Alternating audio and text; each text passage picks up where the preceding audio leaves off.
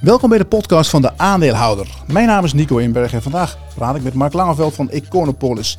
Mark beheert bij Econopolis het Exponential Technologies Fund. Met Mark praten we over de technologie sector in zijn algemeenheid en over de Nederlandse techbedrijven in het bijzonder. Langs komen onder andere ASML, ASMI, Bezi, Adyen, uh, en ook de Amerikaanse big tech ondernemingen gaan we bespreken. In deze podcast gebruiken we een PowerPoint-presentatie. Wil je de slides erbij zien, dan moet je even naar YouTube gaan. Zoek op de aandeelhouder en dan vind je ons vanzelf. Wil je ook de negen aandelentips ontvangen die we, die we bespreken in, het, uh, in de podcast? Ga dan even naar www.deaandeelhouder.nl slash ja. Dan krijg je dat in je mailbox. Tot slot, bij de aandeelhouder zijn we je ogen en oren op de beurs. We maken wekelijks een online beursmagazine dat we op zaterdagochtend naar onze leden sturen. Voor slechts 14 euro per maand, betaling per jaar, krijg je toegang tot alle informatie en helpen we jou op weg naar betere beleggingsresultaten. Veel luisterplezier.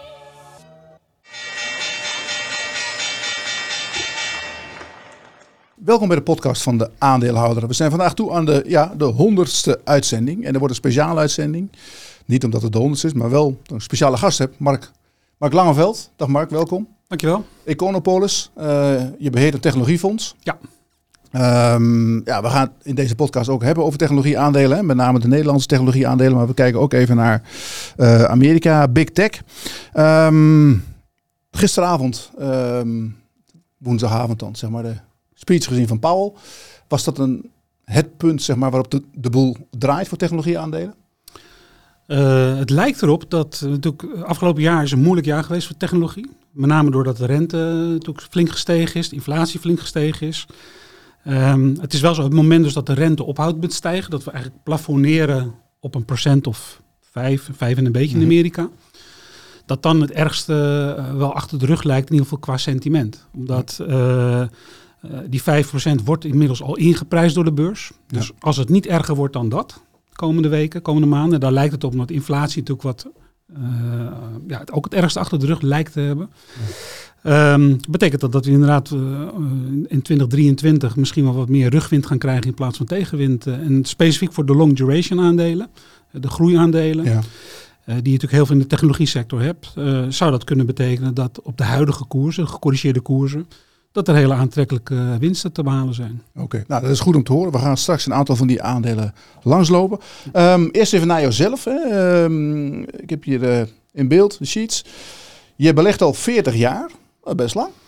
Ja. Dat zou het bijna niet volgens mij. Nou, het, uh, het begint, ja, ik, ik zeg ook, ik verf mijn haar grijs altijd. Ja. Maar um, nee, vanaf mijn 14 uh, beleg ik. Wat, wat, wat, wat, was je eerste aandeel, weet je dat nog? Volgens mij koninklijke olie. Niet echt Dus, een tech nee, niet echt een tech. Nee, toen ik uh, begon was ik een beetje veilig beginnen natuurlijk. Ja. Hè? Alle fouten maken die elke belegger maakt uh, tussen mijn 14e en mijn 18e. Vanaf mijn twintigste professioneel. En dan is het goed als je alle fouten hebt gemaakt, zeg maar, Ja. in, met kleinere bedragen in de jeugd. En uh, vanaf het moment dat het om grotere bedragen gaat, als het goed is, maak je die fouten niet meer. Dus Nee. nou, vanaf mijn twintigste op de verschillende brokers op de beurs uh, gewerkt. Um, onder andere Kempen, uh, Barclays, uh, Credit Suisse. Um, uiteindelijk ook bij Petercam uh, Oké. sales gaan doen. En in 2006 samen met een aantal collega's Antaurus, Antaurus, opgericht. ja. Hedge fund. Um, 2016 heb ik alles verkocht Mhm. aan mijn partners. En was ik een beetje aan het freewheelen, maar ik had nog wel op mijn bucketlist staan dat ik, omdat technologie heeft altijd mijn passie gehad. Ik ben altijd technologieanalist ook geweest bij al die partijen. Mhm. Um, dus toen ik de kans kreeg om een technologiefonds op te zetten, samen met Econopolis in Antwerpen, met oud-collega's van Peterkam. Toen heb ik dat met twee handen aangepakt en zijn we die, die journey begonnen.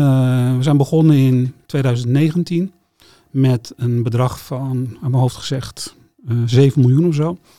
En inmiddels is dat 155 miljoen uh, qua omvang het Exponential Technologies Fund van Econopolis. Ja. En dat belegt in wereldwijd 40 aandelen. En dan moet je denken aan de Apples, Microsoft, Googles, maar ook in Korea de, de, Samsungs, in Taiwan de Taiwan Semiconductors, maar ook in gaming, in cybersecurity, in alle thema's die zeg maar een rol spelen in tech, daar, uh, daar zijn we in actief. Ja, je noemt het ETARP, hè? Exponential Technologies at a Reasonable Price. Dat, dat exponential, hoe moet ik dat uh, zien? Nou ja, je hebt natuurlijk ook uh, defensieve tech. Hè? Ik bedoel, ja. IBM zal iedereen waarschijnlijk ja. Big Blue, dat is een beetje defensievere tech. Maar je hebt ook tech die op basis van de digitale transformatie um, met een procent of 30 plus elk jaar kan groeien. En dan kom je toch eerder bij de exponentiële tech terecht, die gewoon uh, qua vooruitzichten de komende jaren, ook al gaat het cyclisch misschien wat minder, maar door die digitale transformatie die natuurlijk gewoon doorgaat, uh, zeer stevig kan blijven groeien. En dan ook door de operationele hefboom met stijgende marges voor ons als aandeelhouders een hele mooie winst en uh, rendement kan opleveren via dividenden, vrije kaststroom en misschien wel share buybacks. ik zoek het meer in de, de categorie die wat harder groeit. En de winnaars van elk segment, zeg maar, elk subsegment mhm. in de technologie sector. Maar wel degene die wel winst maken, wel positieve vrije kaststroom draaien. En die dat onder andere doen vertalen in een, een dividendgroei en een aandeleninkoopprogramma. Ja, dan heb je dus het afgelopen jaar ook niet die klappen gehad, zeg maar, die, die, die, die echte, echte technologieaandelen hebben gehad, die, uh, weet ik veel, uh, 70, 80 procent omlaag zijn gegaan. Nee, die, die 70, 80 procent, die hebben we gelukkig weten te ontwijken. Ja. Uh, kijk, die, die vind je met name bijvoorbeeld in ARC Innovation, om maar eentje te noemen, van Cathy Wood. Ja. Uh, veel bedrijven, natuurlijk met hoge potentie, en dat is haar strategie. dat is niet, zeg maar, mijn strategie. Ik zoek het liever in de, de aandelen. ik heb natuurlijk ook 2000, 2001 meegemaakt met de dotcom-bubbel. En toen zag ik ook al dat uh, heel veel bedrijven die een, vooral een belofte waren, in de komende drie, vier, vijf jaar zouden ze winst gaan maken. Ja, die maakten toen zulke klappers tijdens de correctie in 2001 van nou, 50, 60, 70 procent. Ja. Dat eigenlijk is dat, uh, nou ja, probeer ik dat een beetje te ontwijken. Ik zoek het liever in de, de partijen die gewoon, wat ik zeg, uh, vandaag al gewoon keiharde vrije kaststroom genereren. Ja. En daar ook iets leuks mee doen voor de aanhouders. Oké. Nu, nu is uh, um, ja, speciaal punt van aandacht natuurlijk voor de rente. Hè. De, de rente heeft waarschijnlijk best een grote invloed gehad op de waarderingen van, die, van heel veel tech-aandelen. ja. alle tech-aandelen. Uh, stel nou dat die rente, de, we hebben het over uh, de rente dat die nu een beetje aftopt. Stel dat die gewoon blijft hangen rond de 4%. Dat die nooit meer op 1% komt of op 0%. Uh, betekent dat ook dat die, die uh, extreme waarderingen die we hebben gezien van die technologiefondsen, dat die niet meer terugkomen? Uh, nee, ik denk wel dat die extreme waarderingen, die te maken. Kijk, uiteindelijk wil je als belegger. Heb je een risicovrije rente waar je uit kan kiezen door bijvoorbeeld te sparen of op ja. uh, staatsobligaties, kortlopende staatsobligaties. Nou, die, die hebben een tijdje een negatieve rente gekend natuurlijk. Daar leg je als aandelenbelegger altijd een risicoopslag, de risicopremie op, bijvoorbeeld 4%. Ja, dus op het moment dat de rente van min een half naar uh, plus 3,5 gaat en ik leg daar een uh, 4% risicopremie op, ja. dan konden aandelen in het verleden volstaan zeg maar, met uh, bijvoorbeeld een 3,5% rendement voor mij, als de rente min een half was. En dat betekent ja, misschien niet iets te technisch, maar inverse dat ik wel bereid was om 33 keer de free cashflow te betalen. Mm -hmm. Maar goed, nu de rente op 3, 4, 5 procent. we weten niet. In Amerika gaat die richting de 5. In Europa denk ik dat we niet zo ver gaan. Maar ja, dan praat je misschien over een gewenst rendement, aanvangsrendement van 6 à 7 procent. Ja, dat betekent dat ik in plaats van 33 keer nog maar 16 of 17, ja, 14 ja. keer de winst of ja. de free cashflow wil betalen. Dus ja, als die rente hoog blijft, dan denk ik niet dat we ooit weer teruggaan naar die enorme uh, nee. multiples die we hadden. Maar het goede nieuws is, uh, dat zit dus nu ingeprijsd. En op het moment dus dat het niet erger wordt dan vandaag reeds is ingeprijsd. Dus we gaan nu niet kijken, is het nieuws goed of slecht? Is het nieuws beter of slechter dan verwacht? Ik ga ervan uit dat het beter dan verwacht gaat zijn de komende zes maanden. Mm -hmm. Dan zou dat zelfs tot een, een, tot een positieve reactie op de beurs kunnen leiden. Ondanks dat de, de, de berichten aan zichzelf misschien nog helemaal niet zo positief zijn. Nee, oké. Okay. Nou, uh, dat klinkt in principe goed. We gaan straks over een heel aantal uh, aandelen hebben. Onder andere Asmi komt langs, ASML, uh, Bezi, Prozus, Just Eat zag ik, Adyen en ook de Amerikaanse Big Tech gaan behandelen. We hebben ook nog een speciale aanbieding omdat het de honderdste, honderdste podcast is voor mensen die lid willen worden van de aandeelhouder. En Mark, we beginnen in onze podcast ook altijd met de vraag, wat heeft jou verbaasd deze week? Nu heb ik begrepen dat jij uh, het Nederlands elftal bent gevolgd naar Qatar. Ja. En uh, hoe ging dat daar? Ging het, uh...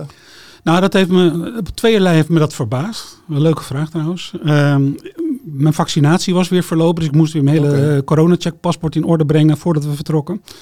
Maar eigenlijk op Schiphol, maar ook in Dubai, in Abu Dhabi bij de Formule 1, in Qatar het voetbal. Nergens is mij om een, om een check nee, gevraagd. Moest je al in de rij staan op Schiphol of niet? Daar wist het ook over? Nee, dat, dat was ook allemaal redelijk okay. rustig te doen. Dus uh, uh, dat, dat heeft me wel verbaasd. Hè? Ja. Dat je, het lijkt wel alsof het weg is uit de terwijl het niet weg is uit de wereld. Ja. Maar het lijkt alsof het in ieder geval voor het reizen geen thema meer Het is is. nu alleen nog maar in China, heb ik begrepen. Ja, Chi- China is nog redelijk streng op en daar eh, protesteren de werknemers ook. Ja. En de, eh, waarschijnlijk wordt dat de komende weken wel opgelost. Hoor.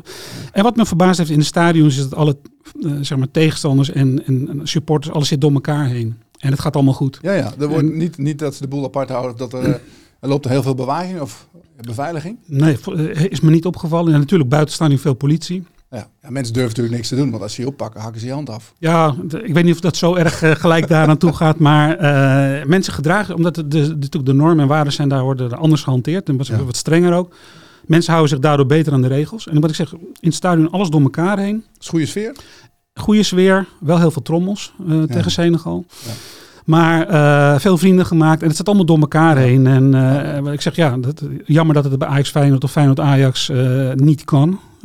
Want hier zie je toch wel hoe leuk het is als je met z'n allen gewoon door elkaar leuk potje voetbal kijkt. Dus dat heeft me wel verbaasd. Hoe, hoe schat je de kansen van Oranje in, nu je ze gezien hebt?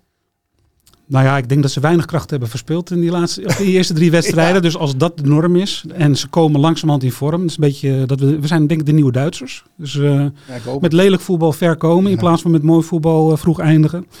Dus ja, ik denk dat we nog steeds goede kansen maken om, eh, om maar in de, als ik het goed doorreken, volgens mij kwartfinale tegen Argentinië, als het allemaal Ja. gaat, dan Ja, dat wordt wel een uh, testcase. Argentinië was goed gisteren. Die, eh, als die gas geven, dan maak ik me wel een beetje zorgen. Maar goed, eh, eh, de eerstvolgende wedstrijd is het belangrijkste. En laten we eerst maar eens kijken of die Amerikanen van de mat kunnen vegen. Ja, moet toch lukken toch? Daarom, dat moet lukken. En dan, eh, ik ging uit van de finale plaats, maar ik moet zeggen dat ik wel een klein beetje eh, zorgen maak als zie hoeveel, eh, hoe weinig energie ze in de wedstrijd gooien. Ja, Mark, laten we gaan kijken. Eerst even ehm, dit rijtje af. Investment criteria. Hoe kijk jij naar aandelen? Hoe kijk jij naar die technologie sector? Ehm, ja, wat, wat, wat, hoe moet een aandeel eruit zien? Wil jij, het willen, eh, wil jij erin willen investeren? Ja, nou, ik, ik begin met een tech-universum wereldwijd van eh, pak een beetje duizend namen. En dat wil ik uiteindelijk naar een portefeuille brengen van 40 namen. Dus ik moet het filteren. Dus ik, ik kijk naar criteria zoals eh, of het in een oligopolistische marktomgeving zit. En, dus niet zoveel aanbieders, liefst Nee. maximaal vijf aanbieders of zo. Ehm, met een marktgroei die twee keer tenminste de economiegroei is. Ehm, waarbij het bedrijf eh, marktaandeel wint. Dus de, eh, de omzetgroei van het bedrijf moet hoger liggen dan de marktgroei. Het wint marktaandeel. Eh, hoge toetredingsbarrières. Nou, we komen straks nog op ASML. Ja. Maar ja, de, ASML, bezig met- voldoet nog aan alle, alle ja, de, criteria volgens mij. hoog, hoe hoger de toetredingsbarrière is, hoe leuker het is voor de aandeelhouders. Ehm, flinke operationele hefboom, dat wil zeggen 10% omzetgroei leidt tot eh 20% groei in winst. Ja. En 25% groei eh eh, bottomline en vrije kaststroom. Eh, belangrijkste investering achter de rug. Dat is ook wel fijn dat je nog niet een soort berg op moet met enorme miljarden investeringen voordat je überhaupt wat terug gaat verdienen. En het liefst vanuit een ijzersterke balans. Nou, dat is bij de tech. als ik ook kijk naar alle S&P 500 bedrijven, dat is bij tech is het de sterkste sector qua Ja. balanskracht. Ze hebben En, allemaal cash. Ze hebben allemaal cash. meeste hebben en allemaal netto cash. aandelen En- inkoop. Ja. Is, is aandelen inkoop voor jou belangrijk op, op ja, dit moment zeg maar, bij- die technologiefonds, omdat ze zoveel geld hebben? Ja, want op het moment dat de balans nog luier wordt, zeg maar. Ik heb liever dat ze wel af en toe wat eh, uitkeren. maar, Ja. Kijk, een, een, een ASML, ja, we komen er straks op terug, maar die betaalt op jaarbasis 12 miljard. Nou, ja, dat is op een eh, marktkapitalisatie van 210, 220 miljard. Gewoon bijna 6% die naar mij toe komt elk jaar. En dat vergeten mensen. Je praat hier eigenlijk over een quasi-monopolist die gewoon 6% per jaar eh, uitkeert eh, indirect aan mij als aandeelhouder. Nou, dat soort bedrijven, daar zoek ik er 40 van. Dan kan ik niet allemaal al alle ASML qua kracht vinden, maar eh, dat is wel het, het streven om te vinden, zeg maar, in de markt. eh. Oké. Dus, eh, ja, Zijn ze te vinden? Jawel, ze zijn zeker te vinden. Alleen je moet wel je huiswerk eh, goed op orde hebben. En de, de, de gemakkelijke cases, die kent natuurlijk iedereen. Maar Ja. in Hongkong of in Korea of in Taiwan of ja, ook, ook in Europa, in Noorwegen of Frankrijk vind je pareltjes die Hieraan zouden kunnen gaan voldoen. Ja. Oh, Maar, nog, maar op dit moment nog niet het niveau hebben van ASML. eh. Nee. Nee. En die neem je dan op in je portefeuille ook? Want die, die 40, eh, je hebt over een aantal van 40 aandelen. Is dat heilig voor je? Nee, het mogen er ook 35 zijn of 41, maar Ja, ja. eh, plus minus Wel die orde eh, van 40. Ja. We hebben hier, eh, we zien op de volgende sheet, ja, even voor de mensen tussendoor die, die luisteren via Spotify of, of iTunes. We hebben sheets erbij vandaag. Mark heeft een mooie presentatie. Dus als je dat wil zien, moet je even naar YouTube gaan. Dan kan je dat gewoon eh, eh, de podcast ook bekijken. Mark, hier staat eh, kompas voor de komende maanden. Nou, inflatie en rente natuurlijk. Het Ja. verhaal. Ja. Ehm, wat ga je ermee doen? Nou ja, dat, kijk, ik heb het idee dat er nog steeds, ondanks dat het de laatste weken beter gaat, heel veel pessimisme nog steeds is over de economie en uh, over de rente en over de koopkracht. En mm-hmm. je kan de, de praatprogramma's in Nederland niet, ja. uh, niet, niet bekijken of, of, of beluisteren. Of, ja, uh, het, is, het is geen leuk bericht, zeg maar, wat, je, wat je ziet. Um, afgezien misschien van op SBS 6 af en toe een programma. en dan weet je wel, ik bedoel, een beetje luchtiger ja. praatprogramma. Um, maar als ik als ik gewoon heel eerlijk ben, uh, doordat er zoveel pessimisme is en zijn de waarderingen van de aandelen ook behoorlijk naar beneden gekomen. En wat ik zei, dat is nu wel allemaal ingeprijsd. Dus als in 2023 kan ik heel makkelijk een scenario bedenken waarbij als de inflatie gepiekt heeft, de rente gepiekt heeft, eh, de kostenbesparingen van de bedrijven doorkomen om zeg maar die cyclische uh, vertraging, als we een lichte recessie krijgen, op te vangen. Dan hebben we natuurlijk nog wel te maken met Rusland, Oekraïne en de, de, de, de, zero-covid policy in China. Maar ook daar kan ik mijn scenario bedenken die eerder wat positiever dan wat negatiever op dit moment is. Ja, dan denk ik dat we voor 2023 moeten oppassen dat je niet te pessimistisch bent. En wel zeker een oog moet houden voor de kwaliteitsbedrijven die je nu nog steeds voor hele aantrekkelijke niveaus kunt kopen. Oké, nou dat klinkt heel goed. Um, ja, eentje ervan is, laten we daar maar mee aftrappen, is natuurlijk ASML. Hè. Uh, we hebben van ASML de beleggersdag gehad op 11, 11 november was dat. Ja. Ik zit me af te vragen, als stel dat het uitkomt, die, die, uh, die omzet, wat, wat, wat betekent dat überhaupt voor de regio Eindhoven? Die, die ruimte is er denk ik niet eens daar. um, nou, uh, die, de, de, ruimte, de productiecapaciteit wordt nu behoorlijk uitgebreid. Hè? Ja. En uh, natuurlijk de high-tech campus, alle bedrijven eromheen, die toeleverancier. Alles groeit natuurlijk mee met ASML. Ja. ASML is wat dat betreft wel de groeimotor van de hele regio. Of misschien wel van heel Nederland zelfs. Ja. Um, um, dus ik denk wel, uh, op dit moment is de vraag naar bijvoorbeeld EUV en Deep UV machines van ASML, ook dus de oudere en de nieuwere generatie, nog steeds vele malen groter dan het, de productiecapaciteit aan kan.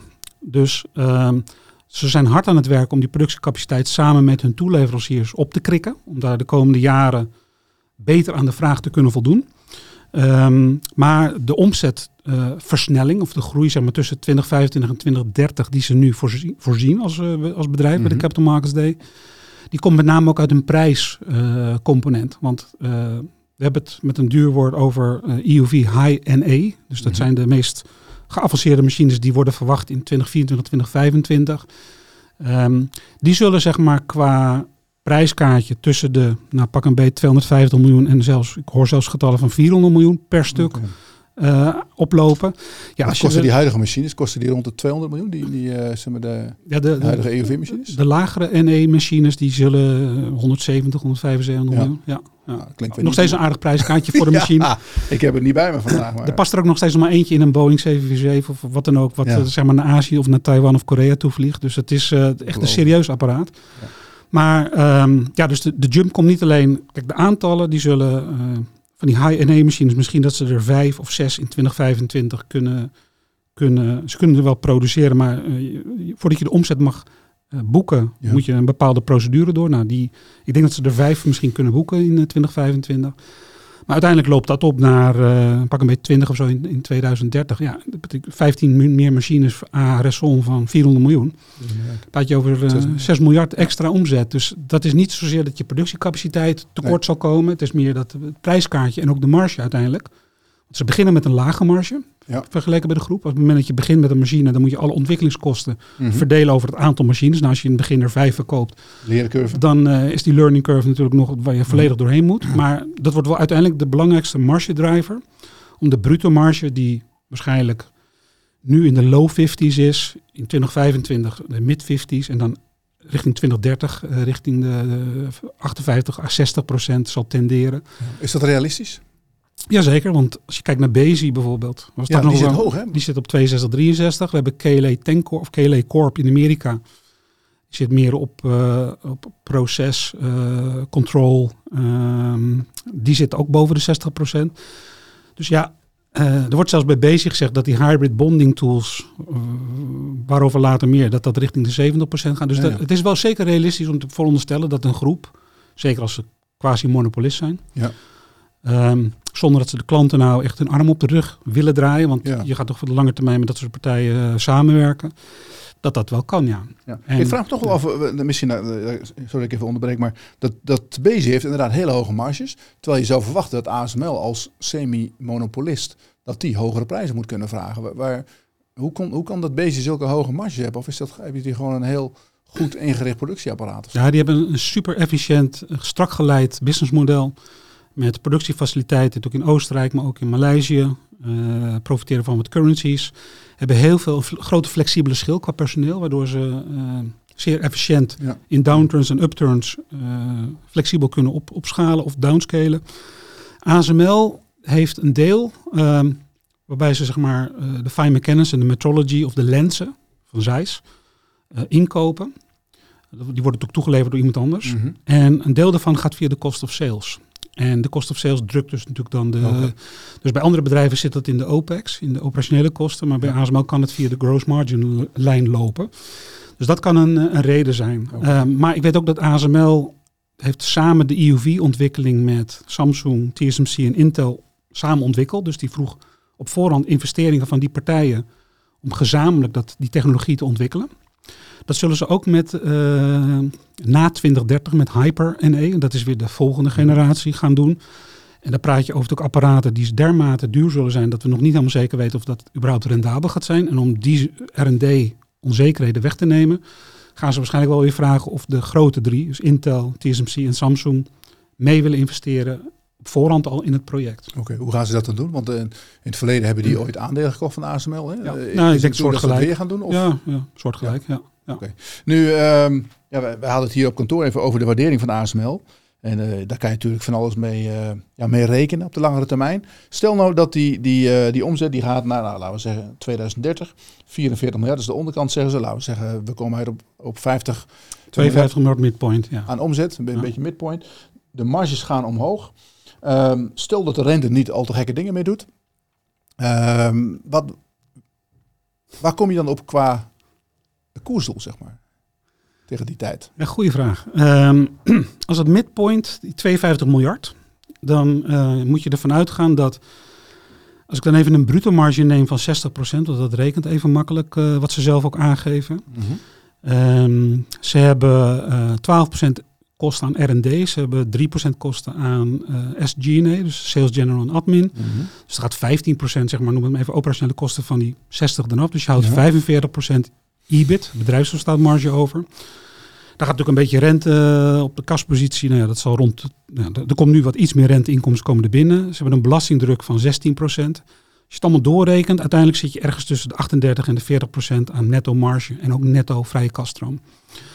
Dus je komt dan uit op een winst per aandeel range van, nou pak een beet, eh, als ik 52 miljard neem, 54, 55 euro per aandeel.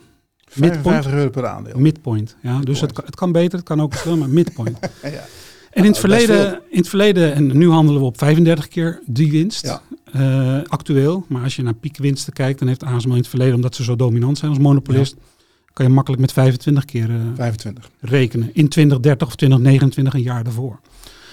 Dan weet ik niet, als jij heel snel rekent waar je uitkomt als je 25 keer... eh nou, Met die pak een 75. beetje- Ja, 1375 euro. Dus dat is keer twee...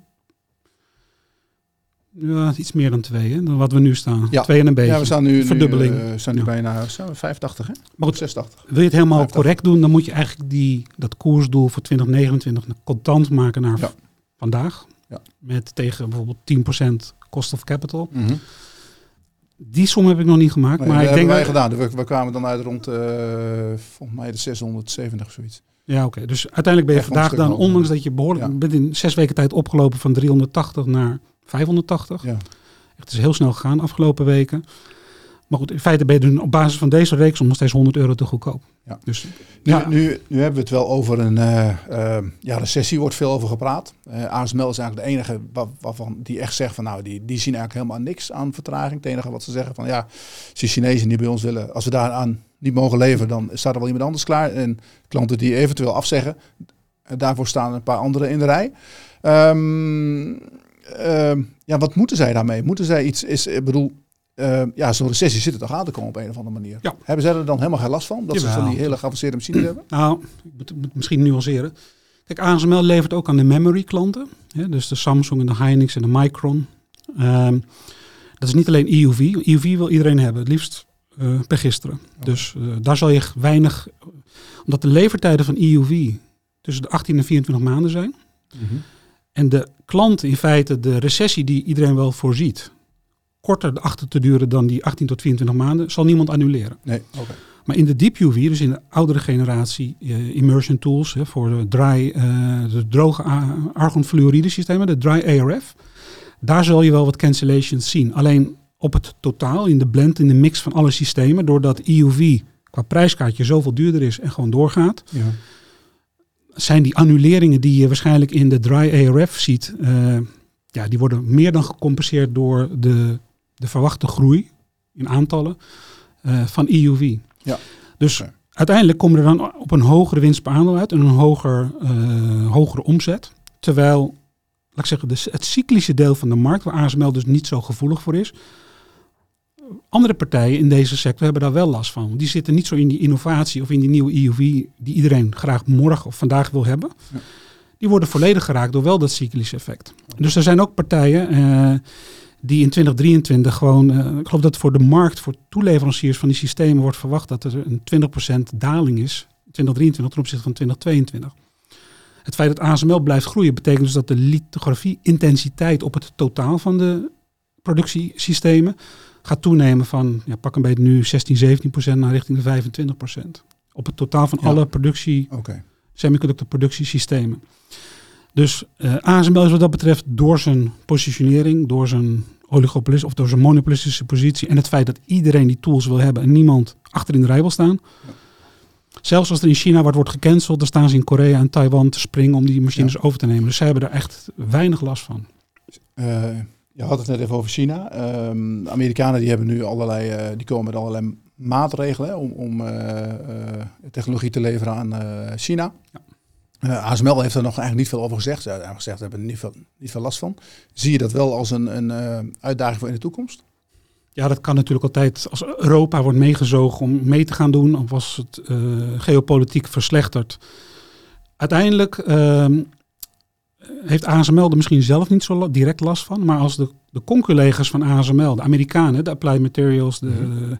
de KLA Tencors en noem ze allemaal op, niet mogen leveren dan heeft het ook niet zoveel zin voor die eindklant om wel ASML te laten leveren. Omdat al die systemen staan in serie van elkaar. Dus als ik een productielijn wil opzetten, heb ik van alle partijen heb ik een systeem nodig. Ja. Tien systemen achter, of twintig systemen achter elkaar in een serie. Ja, als ik er tien niet krijg, dan heeft het niet zoveel zin om die andere tien wel nee. neer te zetten. Want mijn productielijn is dan niet compleet. Dus ja. dan zou indirect zou er een impact kunnen zijn op ASML in de toekomst. Maar voorlopig uh, ziet ASML dat niet. En verwachten we ook eigenlijk niet dat het tussen Amerika en China zoveel erger uit de hand zal lopen. Nee, hoe zouden die Chinezen dat moeten oplossen dan? Ik bedoel, zijn er alternatieven? Of moeten ze dan inferieure uh, uh, ja, machines kopen van, weet ik veel, Nikon? Of, ja, nou ja. Kijk, op dit moment ASML zit in de categorie 2 tot 3 nanometer. Dus super precieze machines. Ik denk in China is het 14 nanometer of 28 nanometer. Okay. Dus dat is oudere generatie. Ja. Waar geen exportbeperkingen tot nu toe op zitten. Kan komen, maar... Dus met oudere systemen, daar kunnen ze ook in de militaire toepassingen niet zoveel mee. Daar kun je wel chips maken voor telefoons of voor camera's, of, maar mm -hmm. niet om zeg maar militair toe te passen. Okay.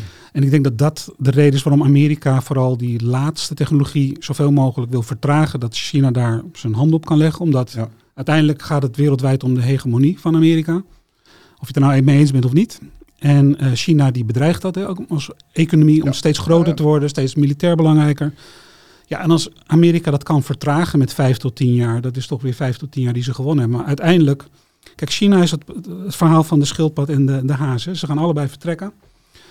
En de haas die schiet uit de startblokken, maar die wordt onderweg van alles, komt er tegen, wordt afgeleid. De schildpad die gaat gewoon rustig door, laat zich niet afleiden en die komt als eerste aan de finish. Dat is China. China heeft een 50 jaren plan. Amerika, Europa, die, uh, nou, Europa heeft helemaal geen plan. Uh, Amerika heeft een, uh, ja sorry, Amerika heeft er wel een plan, maar dat is meer de haast die heel veel door alle dingen wordt ja. afgeleid.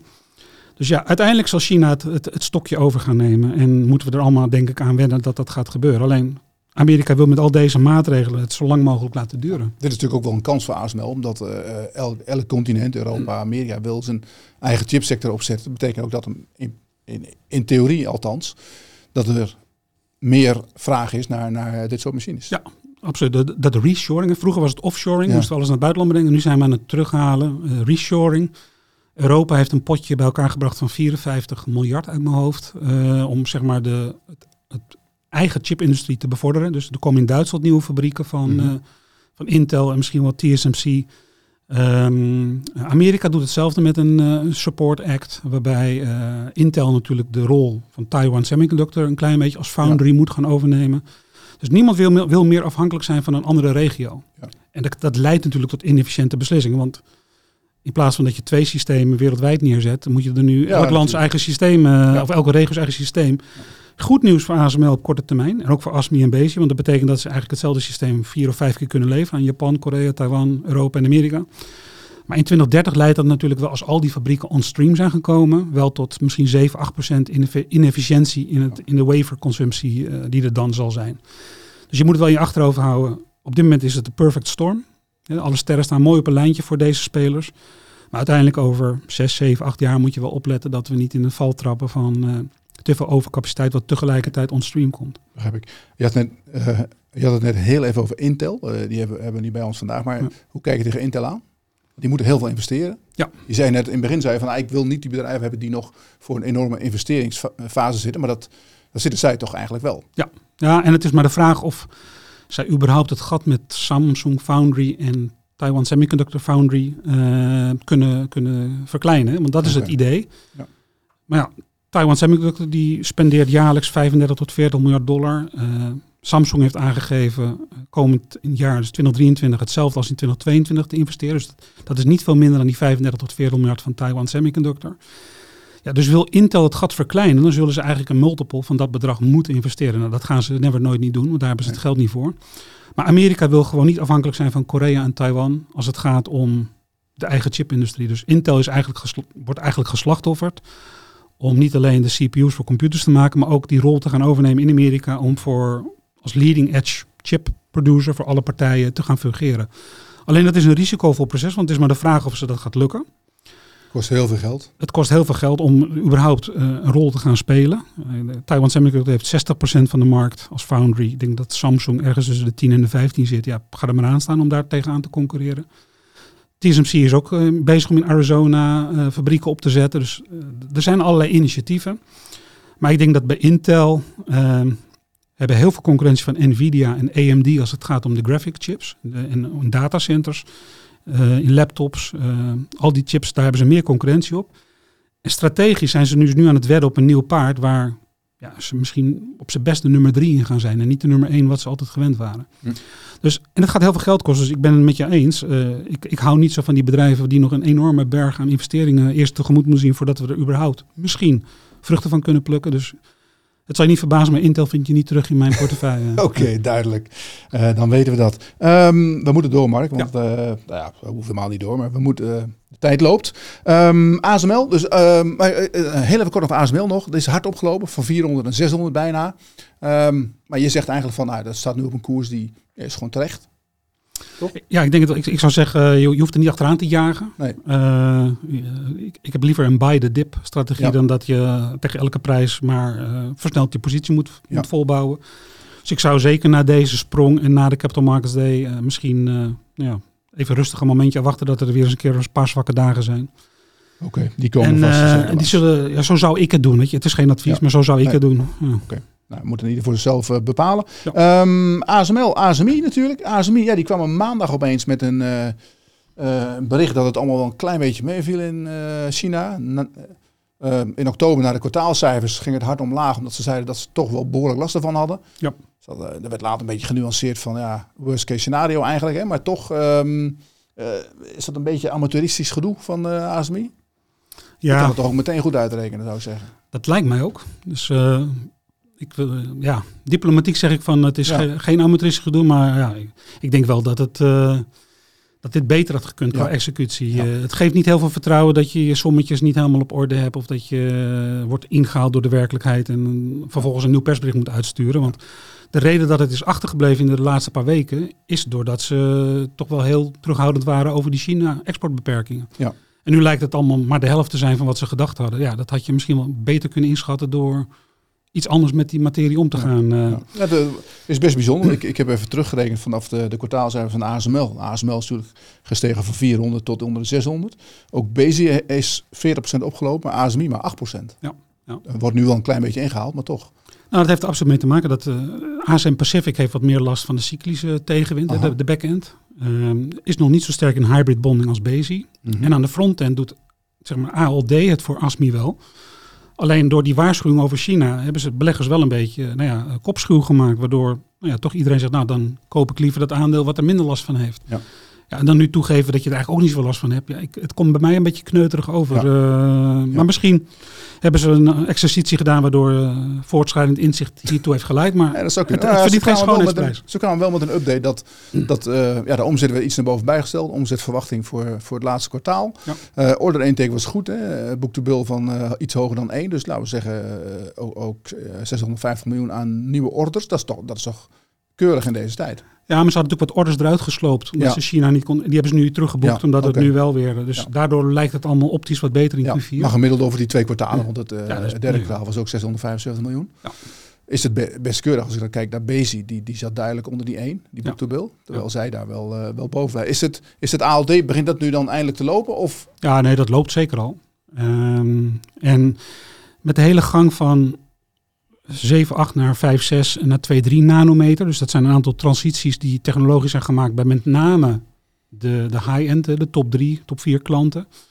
Ehm, daarin gaat ALD natuurlijk mee. Eh, atomic layer, eh, Mhm. CVD is gewoon atoom voor atoom wordt de chip opgebouwd. En eh, daar heeft ASMI een, een heel sterk marktaandeel in. Wel meer concurrentie. Het is geen 90% eh quasi-monopolist, Nee. zeker niet. Maar ze hebben wel een dominant marktaandeel erin. eh. Ja, en als ik kijk naar de recessie die eraan komt, eh, hoeveel last hebben zij daarvan? In hun sector, hun, hun deel van die markt? Ehm, wat meer dan, laat ik zeggen, ASML, minder dan Bezi. Maar ehm, het, het goede nieuws is voor ASMI is dat ze wat minder exposure hebben op de memory sector. En de memory sector is het meest gevoelig voor de consument. Ja. eh, via de telefoontjes en de pc's. Ja. Dus omdat ze wat minder sterk zijn in het memory segment, valt dan de impact ook daar dan wel, dat, ja, dat balanceert dan weer een beetje weer mee. Dus het is nog steeds het is een prachtig bedrijf. En heeft natuurlijk Arthur Del Prado eh, vanaf de jaren tachtig fantastisch opgebouwd. eh. alleen als ik een keus zou moeten maken in mijn portefeuille, dan kies ik wel voor de lange termijn, voor ASML en voor een, voor een Bezi en niet, niet voor ASMI. Dat doet me echt pijn. ik heb zelf astmi. Zit tot mijn nek in. Maar het, het gaat nu goed, hè? Dat wordt Ja, ja, ja, nee, maar het, het is, wat ik zeg, het is een prachtig bedrijf. Alleen eh, als ik een, een voorkeur zou Ja. moeten uitspreken en ik moet met een pistool op mijn hoofd zeggen van ik kies die of ik kies die, eh, nou, dan komt hij niet als eerste, eh, komt hij niet als eerste naar boven. Bezi heeft, heeft eh, dat is de volgende. Bezi heeft jou, eh, daar hoor ik je va- vaak over, daar vertel je graag over. Bezi is, is ehm, ja, wel gevoelig natuurlijk voor recessie. Ja. Maar kan ook heel snel op- en afschalen.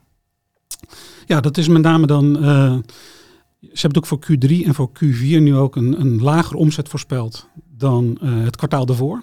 En ik verwacht eigenlijk dat na Q4 ook in Q1 nog een keer een kwartaal gaat komen wat weer lager is qua omzet dan Q4. Maar dan hebben we het denk ik gehad. En ehm, ehm, ze zeggen altijd bij Bezi eh buy the second cut in, eh, in omzetverwachtingen. Nou, we hebben er nu twee gehad voor Q4. Dus de koers was even 40 of zo eh, Ja. een maandje Ja, heel geleden. hard omhoog weer. En ja, we zijn nu weer 62 of 63. Dus je bent alweer 50% vanaf die bodem opgeveerd in een paar weken tijd. Ehm, maar ja, de resultaten Q4 en Q1 zullen nog niet eh, eh, heel, heel sterk zijn, zeg maar. Ik denk dat daar toch wel duidelijk nog steeds de impact te zien is van die, Ja. met name de Chinese smartphone-markt. die toch wel heel moeilijk nog steeds is. En wel tegenwind kent op zeg maar, economisch groeigebied. Denk je dat de order intake wel al aantrekt? Of moeten we daar nog wachten? Daar moet je denk ik ook nog tot, eh, tot eind Q1, begin Q2 op wachten. Ehm, maar eh, het goede nieuws bij Bezi is weer, eh, ze zijn heel sterk in die, eh, qua marktaandeel in die attach. hè. Ze, zijn, ze hebben 67% marktaandeel in die attach. Maar wat het, het sexy maakt is de exposure naar hybrid bonding. Dat is de Mhm. nieuwe techniek. Ehm, nieuwe techniek waar ze twee jaar vooruit lopen op alle concurrenten. Met name op SUS Microtech en ASMPT. Er staan al, denk ik, einde van dit jaar 25 tot 30 van die systemen bij Taiwan Semiconductor te draaien. Uh, Intel heeft recent bekendgemaakt dat ze uh, in 2023 ook gaan beginnen. En dat zal dus bij Bezi zijn.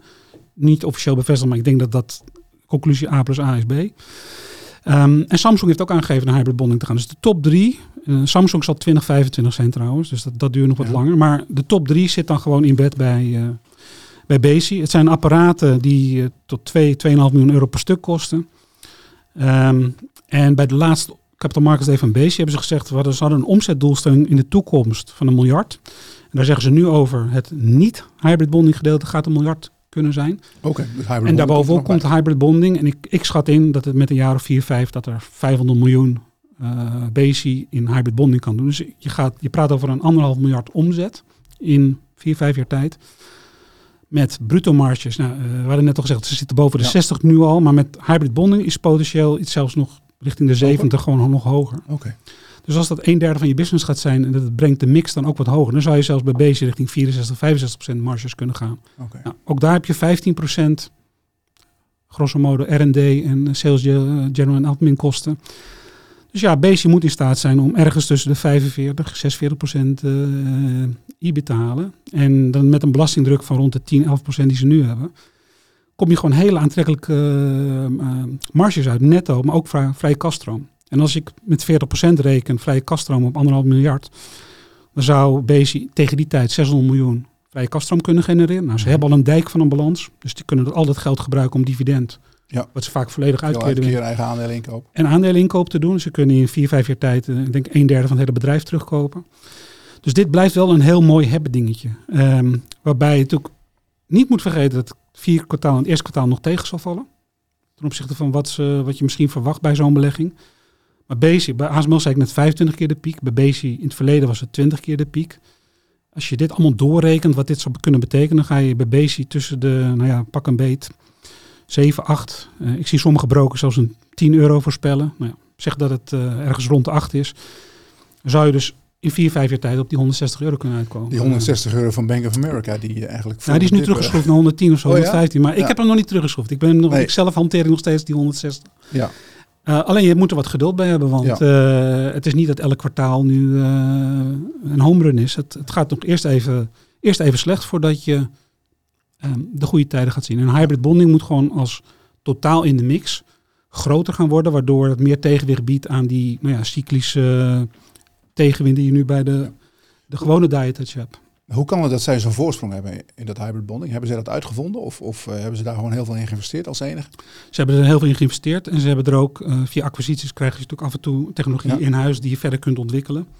Um, dus ja, de, ze waren een van de eerste met wie Taiwan Semiconductor dit lanceerde. Hun productiviteit zeg maar, is ook per uur zeg maar, drie keer zo hoog als dat van de concurrenten. Dus ASMPT en SUS die komen tot ik wil, 500 units of zo per uur. En zij zitten op 1500. Dus okay. het is dus echt uh, een apparaat waar, denk ik, de, ja, de, de belangrijkste chipmakers hun, hun, hun, hun lol mee kunnen doen. Zeg maar. Ja. En voor Bezi, het is voor het eerst dat ze zulke dure systemen. Want vroeger was het de gewone oudere trim and form en de singulation. En ja.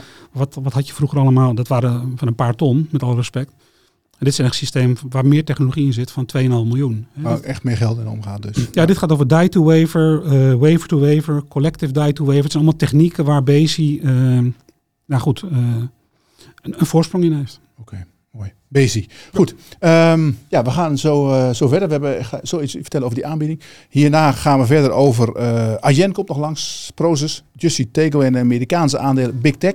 Even tussendoor, voor de mensen die nog geen lid zijn van de aandeelhouder. We hebben een speciale aanbieding. Mensen die zich tot het einde van dit jaar aanmelden. Die, ja, wat hebben we daarvoor? Die, we hebben video's gemaakt met drie verschillende experts. Ik zie dat ik er zelf ook bij staan, ongelooflijk. Maar die hebben um, hun visie voor volgend jaar uiteengezet in die video. Plus drie aandelentips. En die krijg je, onze leden die krijgen die natuurlijk. Maar ook de mensen die voor eind, eind december lid worden, krijgen dat ook. En uh, nou ja, daar kan je dan eventueel je voordeel mee doen. Misschien uh, zitten er wel wat uh, technologietips in van Mark. Want ik zal in ieder geval goed opletten, Mark. Um, dan gaan we even kijken naar wat andere Nederlandse aandelen. Um, Adyen, Adyen wil niet echt de laatste tijd. Hè? Het blijft een beetje hangen rond, ja, vandaag ook weer 1500, 1450. De, de, de echte rek lijkt er een beetje uit. Heeft het ook te maken met rente of wat, wat is hier aan de hand?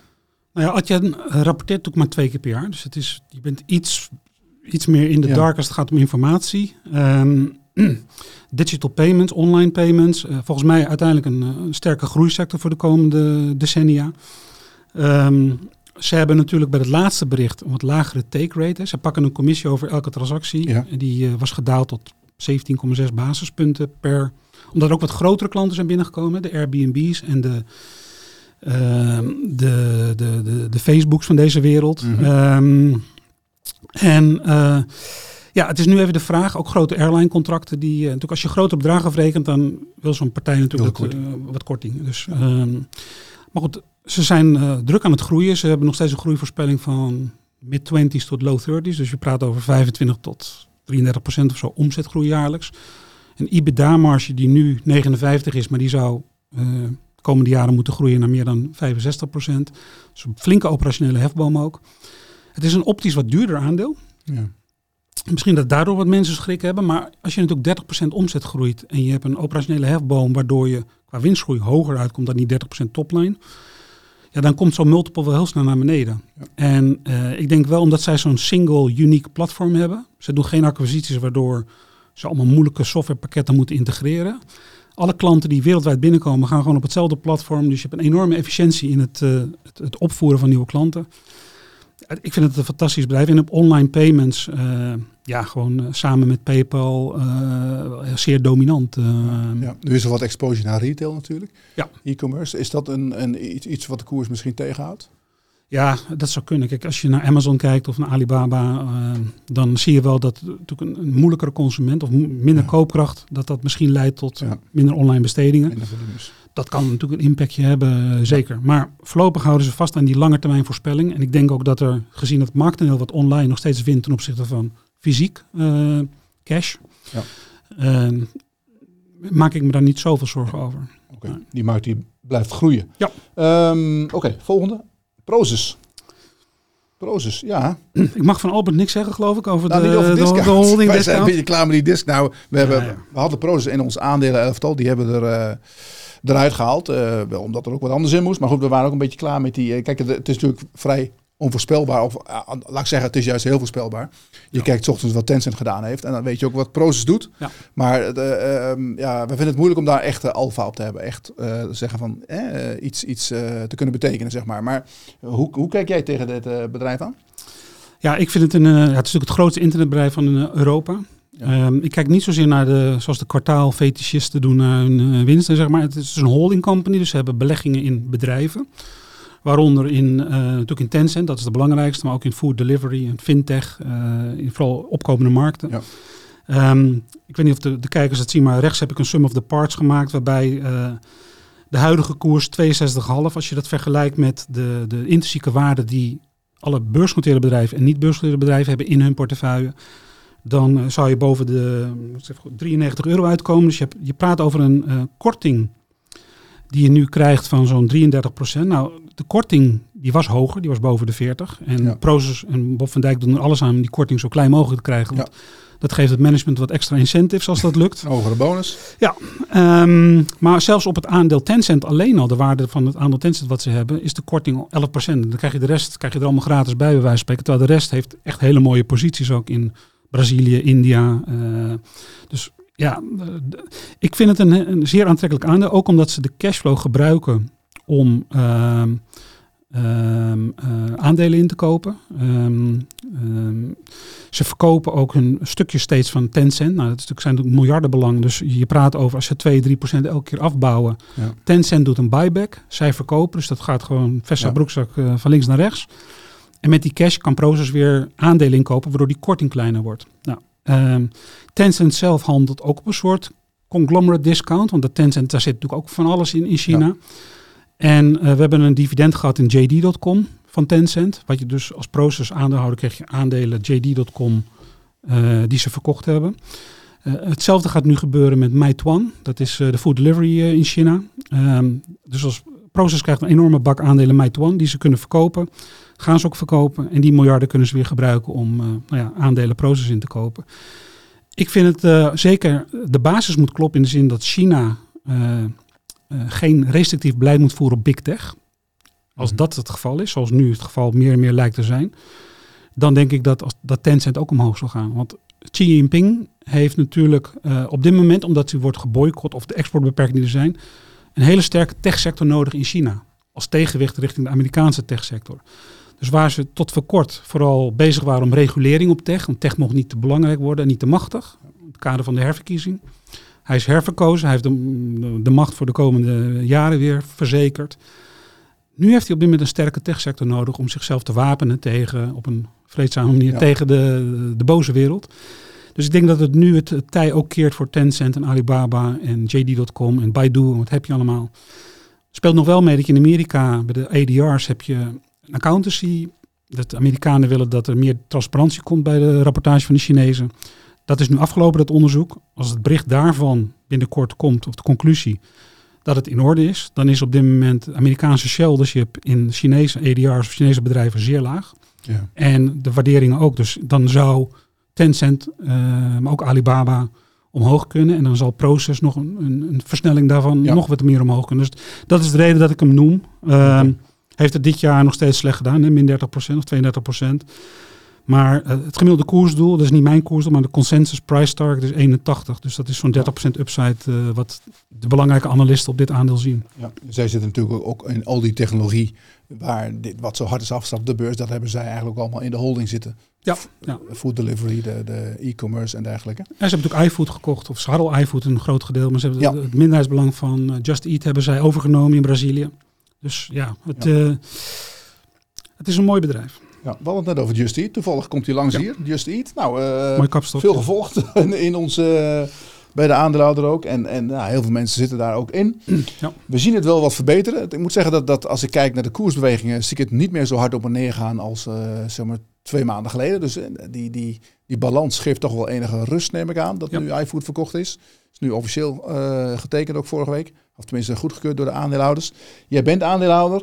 Ehm, wat, wat is nu de volgende stap voor, eh voor Jitse Groen? Ehm, ja, nou, ik denk dat in Amerika nog wel wat eh, aankondigingen kunnen komen. Ze hebben natuurlijk een samenwerking met Amazon Prime, hè, die 150 Ja. miljoen abonnees in Amerika.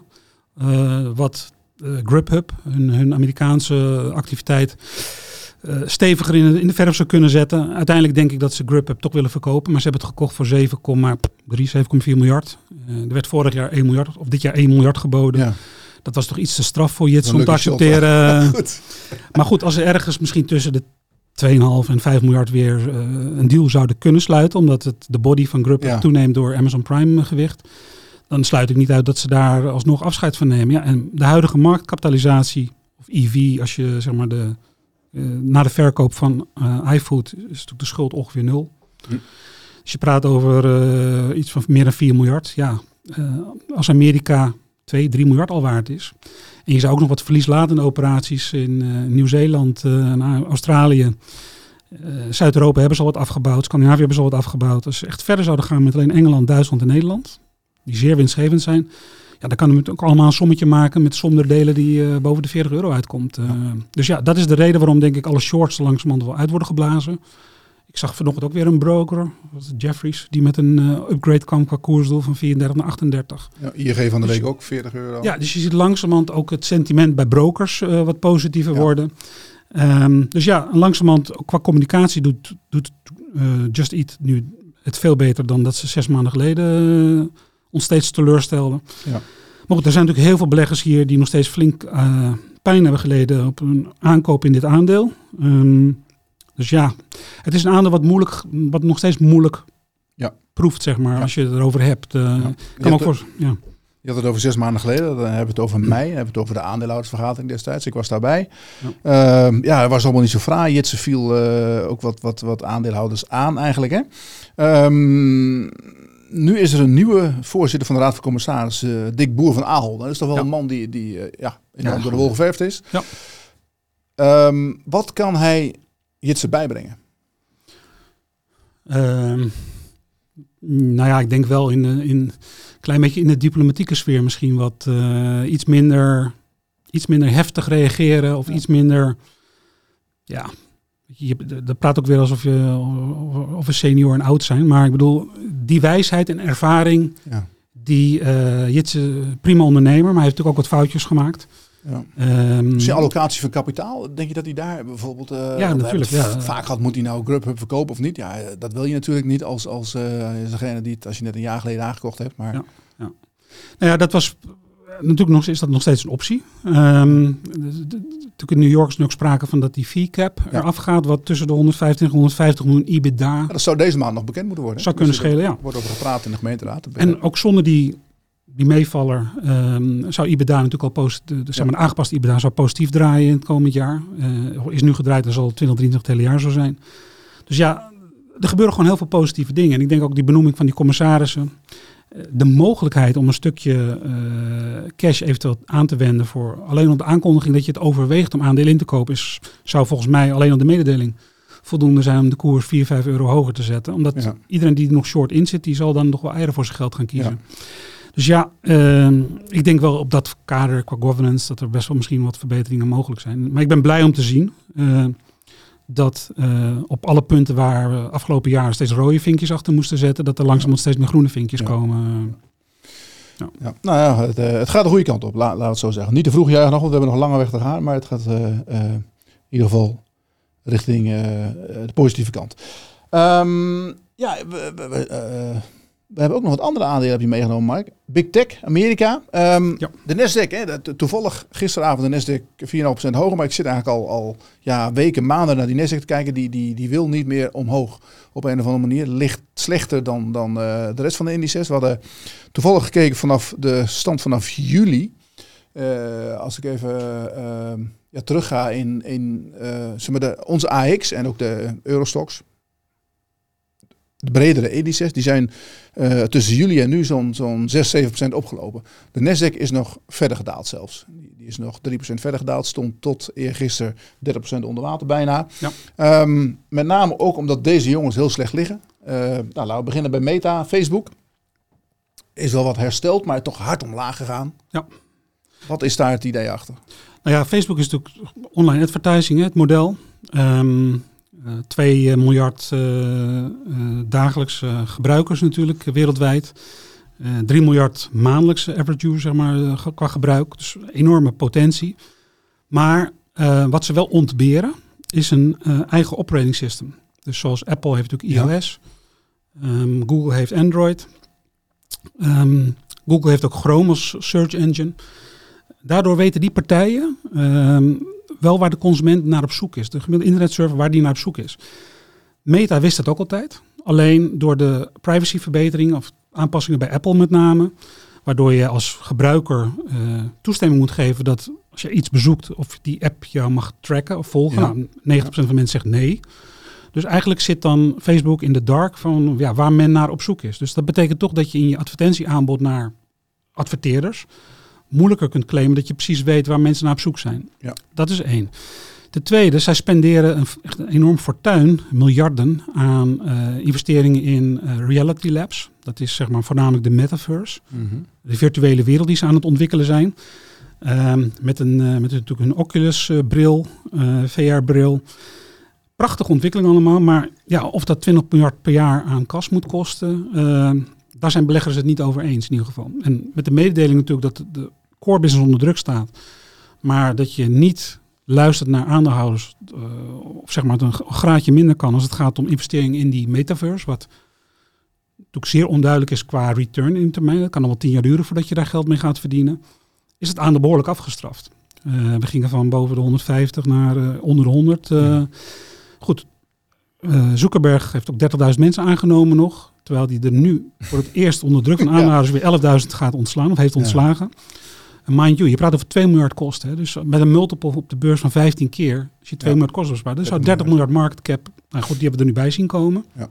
Maar de vraag is, wat gaan we nu, uh, wat gaan we nu doen? Uh, en ik heb het idee dat hij langzamerhand wel wat gaat luisteren. Dus dat hij geen 20 miljard maar in die metaverse put gaat gooien, maar uh, dat dat misschien wat minder gaat zijn. Is dat een put of, of, is daar, of zit daar echt wel toekomst in? Nou, ik denk, ik wil niet zo naïef zijn dat ik zeg van er zit nooit toekomst in. Maar ik zie op dit moment niet het businessmodel. Maar goed, in begin jaren negentig toen het internet opkwam, zagen mensen ook niet het businessmodel achter het internet. Toen de smartphone opkwam, dachten mensen, ja, ik ga toch alleen maar bellen met mijn telefoon. Ik ga er nooit internetten, dat is veel te klein scherm, dat gaan we toch niet doen. Nou, dat is natuurlijk allemaal, heeft, zich dat, uh, heeft voortschrijdend inzicht geleid dat het wel allemaal... Uh, dus ik ben zeker niet degene die gaat zeggen dat de metaverse nooit wat gaat worden. Alleen, ik zie hem de komende vijf tot tien jaar niet iets bijdragen als je jaarlijks 20 miljard investeert. Ja. Hij is bang dat als hij nu niet investeert, dat hij straks een, een of een achterstand heeft of uh, ja. mee kan komen. Ja. Kijk, en uiteindelijk hebben we natuurlijk 2023 een wat moeilijkere economie waarschijnlijk, een recessie. Dus dat betekent qua advertising dat het ook wat moeilijker zal zijn. Dus ja, er zijn genoeg factoren om te bedenken dat je niet heel enthousiast over meta hoeft te zijn. Maar goed, de multiple is behoorlijk naar beneden gekomen. De koerswinst, uh, nou, we praten over 13,8 keer. Ja. Um, als hij aankondigt dat hij investering in de, in de metaverse gaat reduceren of gaat, gaat rationaliseren, dan denk ik dat je, heel, dat je een jump kan maken. Um, het probleem is bij Meta wel dat je, hij is natuurlijk door zijn duale aandeelhoudersstructuur. Hij is uh, eh, 13% van de aandelen. Maar hij heeft door die structuur, waarbij de stemrecht met name bij een aparte klasse zit, heeft hij de meerderheid 53% van de stemmen. Eh. Ja, dus als jij boos bent als aandeelhouder, je kan niet bij de aandeelhouders, ja, je kan wel je stem laten horen, maar het maakt geen zak uit. Uh, hij doet toch lekker waar hij zin in heeft. Je kan alleen maar je aandelen verkopen als je het er niet mee eens bent. Nou ja, dat is bij Google ook zo trouwens. Maar dat zijn ook allemaal redenen waar je als belegger waar je wel in je achterhoofd moet houden als je hierin investeert. Dan ga je wel mee in de gekte of in de briljantie van Mark Zuckerberg. Oké. En de vent maakt de tent, zeggen ze vaak. Hè? Nou goed. Ja. Uh, Facebook, je hebt koers 149 dollar staan, dus zit er nog wel een eentje vandaan. Um, dat is niet mijn koers, hè? dat is de consensus. Oh ja, consensus. Uh, ja, consensus. Ja. Uh, maar hier te deed min 70 procent. Ja, dus, ja, dat is fors. Dat, dat zag je vroeger dus alleen met verlieslatende aandelen. Ja. En hier zie je dus nu gewoon een, ja. een, De vraag is natuurlijk, van, is het dan zo hard opgelopen in die tijd? Hè? Of is het nu zo hard afgestapt? Want het is, we hebben ook een enorme de coronagekte heeft ook wel wat gedaan bij dat soort aandelen natuurlijk. Ja, nee, het is opgelopen op basis van hoop. En ja. uh, natuurlijk ook wel businessmodel, cashflow die het ja. op basis van... Kijk, als jij 2 miljard gebruikers wereldwijd kunt enthousiasmeren om jouw producten te marketen... Ja, dat is natuurlijk wel een enorme... Uh, dat, dat, moet je niet onderschatten, die kracht, zeg maar. Nee, En zij hebben natuurlijk enorm veel vrije cashflow die ze nog steeds kunnen aanwenden om aandelen in te kopen. Ehm, dus ja, dit aandeel gaat niet naar nul toe, denk ik. Maar of het aandeel weer gaat verdubbelen, dan zullen er strategisch moeten er wel wat dingetjes veranderen, denk ik. Ja, precies. Oké. Gaan we door naar Apple. Apple, um, neem aan een van jouw posities in je fonds. Ja. Um, Apple houdt het nog, nog redelijk goed vol eigenlijk. Hè? Uh, alle andere Big Tech is, is, heeft wel een tik gehad, maar Apple blijft toch wel redelijk op niveau liggen, ondanks alles. Ja. Uh, hoe gaat het met Apple? Um, tot nu toe heel goed. Um, ze draaien dit jaar voor het eerst een vrije kaststroom van meer dan 100 miljard. We gaan richting de 110 miljard vrije mhm. kaststroom. Om een idee te geven, dat is een... Uh, nou ja, ik zeg... Uh, 100 miljard. Ja, je praat echt over een megabedrijf. Dus ja. 25, 60 miljard per kwartaal. Die zij ook aanwenden om aan aandeelhouders terug te geven. Dus zij keren daar het grootste gedeelte vanuit. Uh, zeg maar die 100 miljard wordt ook uitgekeerd aan de aandeelhouders. Via met name share buybacks en een klein beetje dividend. 100 miljard op een marktkapitalisatie van 2300 miljard. Dus je praat over 4% en een beetje. Ja. Dus bij ASML hadden we het net over 6%. Ja. Apple is het 4%. En ik denk dat heel veel beleggers zich dat niet realiseren. Dat dat gewoon echt een keurig dividendrendement is. Je hebt wel gezegd, het is net een obligatie, maar... Ja. ja. Kijk, en Apple die verdient ook zijn geld met iPhones. Mm Dat is nu ook het probleem, dat in China hebben ze natuurlijk de protesten in Shenzhen bij Foxconn, de, degene die al die iPhones maakt. Daar hebben ze een zeer streng COVID-beleid, waardoor uh, als één iemand de fabriek uh, zijn neus snuit, dan moet iedereen uh, wordt natuurlijk daaronder onderworpen. Dus het is gewoon vechten tegen de politie wat ze nu aan het doen zijn. Je ziet nu beelden. In plaats dat ze iPhones in elkaar aan het schroeven zijn, zijn ze met stok aan het slaan richting de politie. Dus de, dit kwartaal denk ik dat je misschien wel 15 miljoen minder iPhones okay. productie gaat hebben. Dus dat heeft in het vierde kwartaal natuurlijk een impact. Ja. Zeg gemiddeld 1000 dollar. Je praat over, praat je over? 15 miljard of zo ja. aan omzet. Ja, dat telt natuurlijk wel eventjes uh, in het nadeel voor Apple in het vierde kwartaal. Maar dat is wel omzet die in het eerste kwartaal weer terugkomt. Dus het is, het is meer een uitstel van dan dat het weg is. Uh, het is niet dat die klanten allemaal naar een Android gaan switchen, want het is... Uh, ja, die wachten gewoon langer met het vervangen van hun telefoon. Nou ja, er zijn 1 miljard iPhones wereldwijd nu in de markt, installed base, waarvan er 300 miljoen laatste, jaar nog niet, laatste drie jaar niet vervangen zijn. Dus het is wel wat pent-up demand, zeg maar. Ja. Alleen ja, dat komt dan in Q1 in plaats van Q4. Uh, eh, dus het, het, is iets uitstel van je cashflow. Het heeft iets negatieve impact. Maar uh, waarom ik Apple dus leuk vind, is om vanwege die 100 miljard share buyback op jaarbasis. En het feit dat ze steeds meer business gewoon toch halen uit die Apple services. Hè. Apple Pay, wat natuurlijk doorloopt. Apple Music, Apple TV, Apple Care. uiteindelijk zijn het allemaal abonnementen. Apple Car? Komt die nog, de Apple Auto? Nou ja, horen we weinig meer over. je hoort er weinig. Ik, ik, ik kan me voorstellen, het is altijd goed als je er weinig over hoort. Want Ja. als je er elke maand over hoort, denk ik, net als bij Tesla en Elon, dan weet je eh, dat er niks is van. waarschijnlijk. Maar hier hoor je er weinig over. Dus ik denk wel dat ze ermee bezig zijn, nog steeds. Ja. Kijk ook naar Tesla trouwens, of niet? Of vond ik die, eh, Kijk ik wel naar, is geen positie. Nee. Ik vind het een eh, creative accounting drama waar eh, een blind paard de hik van krijgt. Dus ehm, nee, daar, dat, dat sla ik graag over in mijn portefeuille. Ja. En je vraagt je nog over Apple. Apple stond vroeger al bekend om zijn innovatie. Hè? Dat kwam het zoals eerst met de iPhone, maar iedere keer nieuwe dingen erbij. Dat is nu, ja, we wachten al een tijdje op eigenlijk op echt iets nieuws. Ja. Ehm, moeten ze het vooral hebben van de upgrades van de telefoons? En is dat dan niet ook een risico? Omdat ze, ja, als de, de, de nieuwste telefoon niet echt veel anders meer is dan de, de vorige, ja, dan kan je misschien wel langer eh, houden. Helemaal met een recessie in de, in de, in de spiegel. Ja, ik, die iPhone 14 die er dan nu is, die heeft zeg maar qua features niet echt hele spannende vernieuwingen. Het gaat eigenlijk om de twee jaar bij Apple. Dus tussen, het is eigenlijk een soort tussenmodel. Met alle respect. Dus ik zou hem niet, ondanks dat mijn batterij, ik weet niet hoe het bij jou is, maar mijn batterij moet ik toch wel geval twee keer per dag nu, eh, moet ik hem toch aan de stekker hangen, omdat hij Ja. anders s'avonds eh in het rood staat. Dus dat begint bij mij altijd wel weer te kriebelen om een nieuwe iPhone te kopen. Maar die iPhone 14 laat ik lopen, omdat ik eigenlijk volgend jaar de iPhone 15, als hij zo heet, eh, wil hebben dan. Ja.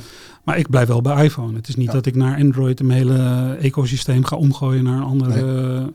Dus ja, eh, ik denk dat we volgend jaar weer heel veel spannende nieuwe camera's, features, eh, Ja. snellere chip, langere batterijduur, misschien silicon carbide als materiaal, waardoor je batterijlevensduur sowieso vergroot wordt. Er zijn allemaal wel wat interessante dingen op komst, waardoor die iPhone volgend jaar echt wel weer spannend wordt. Wat zou een soort innovatie kunnen zijn van Apple, eh, waar, waar ze naar kijken, een andere richting? Of die auto hebben we het al over gehad, maar misschien andere dingen. eh, ja, ze zijn bezig met de bril, de, de, de augmented reality, virtual reality bril, om in de metaverse eh, mee te gaan spelen. Want Ja. als je die bril opzet, dan leef je dus in die virtuele wereld waarbij je meetings kan doen, je kan gamen. een beetje als tegenhanger naar de Google Glass bril Ja. of de, de Facebook Oculus bril. Eh, dus dat is een innovatie waar ze wel mee, mee gaan komen. En ja, uiteindelijk denk ik ze zullen het geld blijven verdienen met de iPad, de iPhone en de MacBook. Eh, en met de wearables, hè, met eh, natuurlijk de, de AirPods, de AirTags. Ja, Maak zelf ook gebruik van AirTags, dat is reuze handig. eh, allemaal spulletjes die af en toe kwijtraakt om die eh, met zo'n klein AirTagje. Eén keer per jaar moet je dan eh, zo'n batterijtje vervangen. Maar eh, ik kan op mijn telefoon precies zien waar al die items zeg maar, zijn. eh, Ja, ja. Van fietsen tot scooters tot auto's, tot, nou, noem het Oké. maar op. Dus dat zijn wel allemaal eh, innovaties die ze, waar ze stilletjes allemaal mee, mee, mee doorgaan. Eh, echt hele grote, briljante nieuwe innovaties. Eh, misschien die bril. Ja, Komend jaar. Nou, gaan we zien. Eh, blijf benieuwd natuurlijk. Dan gaan we snel door naar Amazon. Amazon ligt er eh, ja, niet zo best bij. Heeft zich een beetje ook ja, vertild, neem ik aan, in de, de coronatijd. Te veel, uitgebreid, te veel mensen aangenomen. Gingen er helemaal in geloven. En eh, nu is het even wat minder. Ja, en ik moet zeggen, het laatste kwartaal was ook echt dramatisch, vond ik. Je hebt ook in e-commerce, Ja. 70% van hun activiteiten, 70%, maakt geen winst. Nee. Dus dat is nog een soort investering in de toekomst. 30% en dan moet je denken aan eh, datacenters zoals bij AWS, hè, eh, Amazon Web Services, tegenhanger van Microsoft Azure. Ehm, advertising, eh, natuurlijk Amazon Prime. Eh, dat zijn de drie categorieën die wel winst maken en groeien. Maar dat is maar 30% van de business. Uiteindelijk eh, spenderen ze zoveel cash dat eh, ja, de vrije kaststroom die, eh, die wordt negatief weer, waardoor hun schuld weer oploopt. Mhm. En ook komend jaar ben ik niet echt heel optimistisch dat de consument opeens e-commerce gaat eh, Nee. omarmen. Een enorme groei gaat doormaken. Het zal eerder wat minder worden. Nou, hun fysieke stores, met name Whole Foods, die supermarkten, die, die dragen ook nog, echt nog niet bij. Dus het is wel een soort allegaartje van activiteiten waarbij de bulk, vind ik, teleurstellend eigenlijk opereert. Nou, de parel is AWS, die cloud services. Maar alleen die verliest marktaandeel aan eh, Microsoft. Microsoft groeit harder, Ja. procent of 40, terwijl AWS groeit met 28, 29 procent. Natuurlijk zeer acceptabele groei in deze tijd, maar ze verliezen wel marktaandeel aan, aan Microsoft en, eh, en aan Google. Dus ja, ik, ik ben niet zo enthousiast over Amazon. Er zitten ook wat ESG-vraagtekens bij, hoe ze met personeel omgaan. Ehm, Ja, je moet hard werken daar. Hè? het, ja, het schijnt. Ik heb het nooit hoeven ervaren, maar eh, Ik hoorde Dus- verhalen over dat ze, als ze naar de wc moesten, dat ze dan een fles meenamen en zo, want het kostte tijd. Ja, nou ja, dat, dat dat soort dingen. eh, het scoort niet hoog op de ESG-ladder, zeg maar. En steeds met institutionele beleggers eh, moeten toch rekening houden met een aantal ESG-factoren. Dus. Ja, logisch. Nu, nu eh, eh, ja, er wordt ook vaak gezegd van bijvoorbeeld lokale retailers. Dan laten we kijken naar Nederland, bol.com. Ja. eh, is bij ons heel groot. Men zegt ja, Amazon komt eraan, of is er al in Nederland eigenlijk nu. Ja. Wat houdt dit in voor de concurrentiepositie van Amazon? Wordt het lastiger om dat uit te breiden als zij, want ze zitten nu best wel behoorlijk in de schulden ook. Nou, ik denk dat ze natuurlijk, doordat ze het Amazon Prime abonnement hebben, waardoor je ook Amazon Video op je, in plaats van Netflix, ik geloof dat je voor 3 euro kan je Amazon Prime kijken. Ja, moet je wel bijbetalen voor films en zo. nee, volgens mij niet. Volgens mij, ding. eh, was in het begin althans zo. nee, dus volgens mij nog wel ongoed te doen, zeg maar, qua prijs. Dat heeft natuurlijk wel het voordeel dat als je eh, ook Prime customer bent, dan heb je geen delivery kosten. Of eh, je wordt sneller geleverd. eh. dus ja, dat zijn natuurlijk dingen die bol.com of die Coolblue eh moeilijker kunnen aanbieden. Ja. Ehm, maar dat is ook de reden waarom uiteindelijk komt Amazon, altijd heel goedkoop binnen. Waardoor iedereen denkt, ik moet bij Amazon, de rest gaat kapot. Amazon Ja. blijft. En dan gaan de prijzen omhoog natuurlijk. Dus uiteindelijk moet je je ook afvragen of je als maatschappij wil dat zo'n Amazon eh, jouw lokale landschap vernietigt eigenlijk. Dus Wat ja, er is best wel wat weerstand. Daarom dat ze ESG niet goed scoren. Ehm, is, ja, het zit niet in mijn portefeuille. Ehm, ik denk dat er betere aandelen dan dat eh, te vinden zijn. Prima. Amazon slaan we over. Dan, eh, we hebben nog twee te gaan. Eh Alphabet natuurlijk, maar we beginnen bij Microsoft. Toch wel de grote winnaar, denk ik, van de Ja. corona-crisis. Digitale transformatie, dat, daar zijn ze de, de koning van. Ehm, niet alleen op het gebied van datacenters en cloud services met Azure, wat ik net al zei. Ja. die groeien dat zij zo hard groeien daar? Wat hebben zij voor edge? Eh, de technologie en ook heel veel connecties natuurlijk met eh, bedrijven via hun, eh, hun Windows pakketten, Office pakketten. Eh, ze zijn eigenlijk de, de, de, natuurlijke spin in het web. Ja. Waardoor ze gewoon heel veel contacten hebben. En ze leveren ook. Hè. Laten we eerlijk wezen, de laatste tien jaar met het nieuwe management gaat het wel stukken beter. Ook qua strategie, qua uitrol. Abonnementjes natuurlijk met Office 365, Dynamics 365, die goed lopen. In gaming zijn ze natuurlijk eh, Ja. niet zozeer de Xbox, maar wel het hele het pakket eromheen. En ze hebben natuurlijk de overname nu wat speelt van Activision Blizzard, de nummer twee producent van games. Ze willen natuurlijk een soort Netflix-model gaan introduceren op games. Dat je gewoon voor een tientje per maand alle games kunt spelen die je in het palet van Microsoft kunt vinden. Ja. Uiteindelijk is dit gewoon ja, een hoeksteen van mijn portefeuille. Ehm, het is niet goedkoop, maar ook hier krijg je ehm, een behoorlijke share buyback. Ik geloof dat ze 60 miljard aan mijn hoofd gezegd eh eh, aan free cash flow draaien, waarvan ze de 50 uitkeren. Eh, Zeg maar 2,5% rendement. Nou, dat is, het is gewoon een mooi aandeel wat eh, zeker in een eh, moeilijkere periode tegen een goed stootje kan en blijft groeien. Ja, maar ze groeien nog steeds. Want het, dat verbaast mij. Omdat zij, kijk, ik begrijp wel dat zij in de coronatijden hard groeiden. Want iedereen, alle bedrijven gingen opschalen. Mensen gingen thuis eh, dingen Ja. doen. Maar ze groeien nu nog steeds. Nou ja, dat, dat, dat noem ik hier in het plaatje ook. Hè. De Azure was dan 42%, maar de cloud in totaal 31%. Office 365, dus dat is Excel, Word, PowerPoint, eh, groeide nog steeds met 17%. Dynamics, eh, dat is meer database, eh 32%. LinkedIn, niet te vergeten, ook voor Ja. hun zakelijke netwerk, 21% groei. Dus ja, dat zijn allemaal percentages in een moeilijk jaar, in het in een post-pandemie jaar, waar je nog steeds, denk ik, heel goed eh, als rapportcijfer mee weg kan komen. Dat klinkt als een klok. Ja. Klinkt als een klok. Microsoft dus in jouw portefeuille en hoeksteen zelfs. Ja. Eh, zoals je begon vroeger op je veertiende met Shell. Ja. Zo heb je nu Microsoft als Het, het is misschien, van het je is staan. misschien iets saaier, maar het is wel, ja, eh, eh, soms moet je je portefeuille, je kan niet allemaal eh, topscorers in je portefeuille. Je moet ook een beetje saaie... Ja, precies. Je moet een middenvelder hebben. je, hebt- je hebt toch ook altijd zo'n WK-elftal of een elftal wat je hier... dat zal toch ook niet allemaal heel spannende, Nee, sexy... nee, maar wij doen het met, met Nederlandse aandelen. Maar Ja. wij hebben bijvoorbeeld ASML, ASMI op het middenveld staan. Nou, die kan je daar rustig... eh ASML is onze aanvoerder natuurlijk. je doet het beter dat middenveld dan in het Nederlands elftal doen met in Qatar. Hè? Dat, Ja, dat stabieler middenveld dan in. Nederland. We hebben, we hebben geen middenveld. Last man. Ehm, Google, Alphabet. En daar gaan we mee afsluiten. Google, eh, ja. Ja. toch ook wel behoorlijk gedaald dit jaar. Hè? Ja. Een derde eraf. Een derde eraf, omdat ook net als Meta heeft Google ehm, de nare eigenschap dat ze met Google Bets, daar stoppen ze heel veel geld in. Eh, ja, die hebben ook een hobbyproject, hè, die jongens. Ja, heel veel hobbyprojecten die, waarvan het onduidelijk is of het überhaupt ooit geld gaat opleveren. Maar eh, ze zijn er ook niet echt heel erg transparant in. Eh, we weten in ieder geval dat het Waymo, die zelfrijdende Ja. auto Geloof je in de zelfrijdende auto of niet? Ik geloof wel dat je met een bepaalde vorm van zelfrijdende auto's, zoals iedereen het moet doen, Ja. dat je er bepaalde ongelukken mee kan besparen. Ja. Maar het, het zal mijn zinziens, eh, ja, misschien mijn kinderen of kleinkinderen die ermee te maken krijgen. Maar ik, ik denk zelf niet meer, want er te veel haken en ogen zijn in het verkeer op dit moment om het toe te passen. Uh, Bij schijnt er heel ver mee te zijn, hoor ik. Maar, uh... Ja, als je van A naar B moet en het is een rechtstukje ja. bijvoorbeeld, uh, dan is het geen probleem. Maar ja. er, moet, er moet niet een omleiding of een rotonde of een, of een wegversmalling nee. of een, een bouwwerkzaamheden zijn of een, een kindje overfietsen. Want nee. bepaalde dingen ziet het systeem gewoon nog steeds niet. En dat is, nou ja, voordat dat eruit is, denk ik niet dat je dit live gaat meemaken. Okay. Maar goed, er zit dus in Google Bets, daar zitten miljarden in investeringen die niks opleveren. En daarnaast werd er van door beleggers eigenlijk verwacht dat er ook wel gezien de aanstaande recessie, dat er wat kostenbesparingen, ook daar headcount reducties zouden plaatsvinden. Bij het laatste kwartaalbericht zei Google dat ze hun hiring proces, dus het, het aannemen, mm -hmm. zouden gaan vertragen. Ja. Maar ze hebben het nog steeds over hiring, niet over cutting. Ja, nee.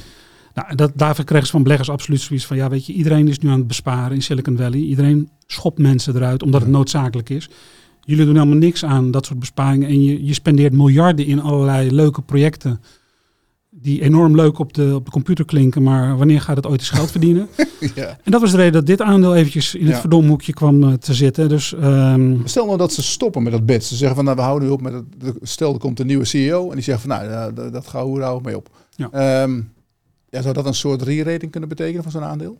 Ik denk het wel, want hun core business is nog steeds heel erg aantrekkelijk. Je ja. ziet ook het grafiekje rechtsboven hoe de omzetgroei de afgelopen kwartalen heeft getendeerd. Nou, daar, wordt een, daar word je niet blij van als aandeelhouder, denk ik. En ik denk dat management van Google zelf ook niet.